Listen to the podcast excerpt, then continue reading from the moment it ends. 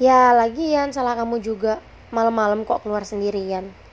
Baju kamu tuh makanya jangan terlalu terbuka, jadinya kan digodain orang.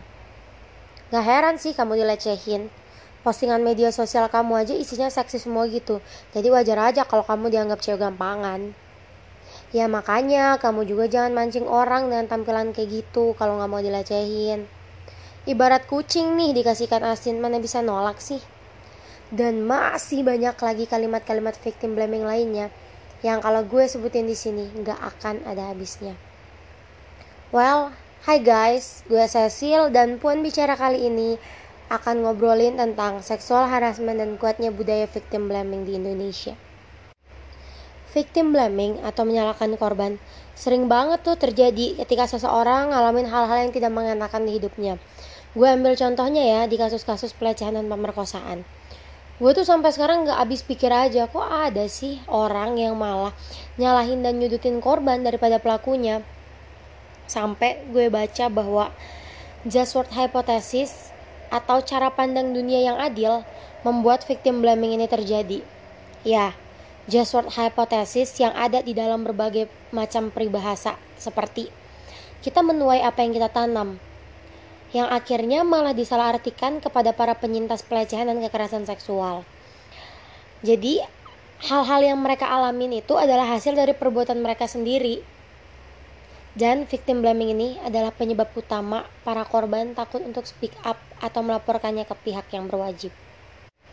Ya seperti kata gue, alih-alih dapat support, para penyintas ini malah disalahkan atas kejadian yang mereka alamin. Kejadian yang gak pernah mereka harapkan terjadi dan gak akan pernah bisa mereka lupain seumur hidup mereka. Mereka justru malah disalahkan bahkan disudutkan. Siapa sih yang pengen ngalamin hal gak mengenakan dan menyebabkan trauma kayak gini? No one, really, I swear. For your information, kasus pelecehan dan kekerasan seksual yang terjadi, khususnya di Indonesia, jumlahnya tidak sama dengan kasus pelecehan dan kekerasan seksual yang akhirnya dilaporkan ke pihak yang berwajib. Kalian tahu nggak alasannya apa? Karena seperti kata gue sebelumnya, kalau para penyintas ini takut dengan victim blaming yang akan dan pasti mereka terima ketika mereka berani untuk speak up dan melaporkan kejadian ini ke pihak yang berwajib.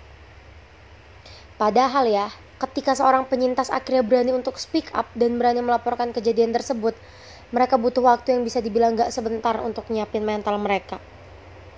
Akhirnya, karena takut akan victim blaming ini, banyak dari mereka, banyak dari para penyintas ini memilih untuk diam dan menyimpan memori buruk itu sendirian yang justru akan berdampak lebih parah ke depannya. Seperti yang kita tahu, penyebab victim blaming ini masih sering terjadi tuh karena kuatnya budaya patriarki dan juga slut shaming yang masih menjadi budaya yang terus saja dilanggengkan di Indonesia. Kayak yang kita tahu, kalau budaya patriarki itu selalu menempatkan posisi wanita selalu berada di bawah laki-laki Terus juga slut shaming atau menilai bahkan menjudge seseorang, terutama perempuan, dari tampilan luarannya saja. Contohnya nih ya, ketika ada perempuan yang pakai tank top, short pants, atau bahkan cuma pakai lipstick merah nih, disebut, duh cabe-cabean, tuh tuh ayam kampus tuh. Dan banyak candaan seksis lainnya yang dianggap wajar, padahal itu tuh nggak wajar sama sekali. Padahal seperti yang kita tahu, Perempuan juga punya hak yang sama terhadap apa pun pilihan hidupnya, mulai dari pilihan berpakaian sampai pilihan masa depannya. Tidak ada satupun yang boleh mengganggu hak tersebut. Tidak ada satupun. Perempuan punya hak untuk merasa nyaman ketika berada di mana pun yang mereka mau dengan pakaian apa pun itu, tanpa takut akan mengalami hal-hal menakutkan seperti pelecehan atau bahkan kekerasan seksual. Apa pun pakaian dan tampilannya, itu bukan sebuah persetujuan untuk melakukan pelecehan dan kekerasan seksual serta victim blaming. Gak ada satupun alasan yang pantas digunakan untuk membenarkan tindakan itu.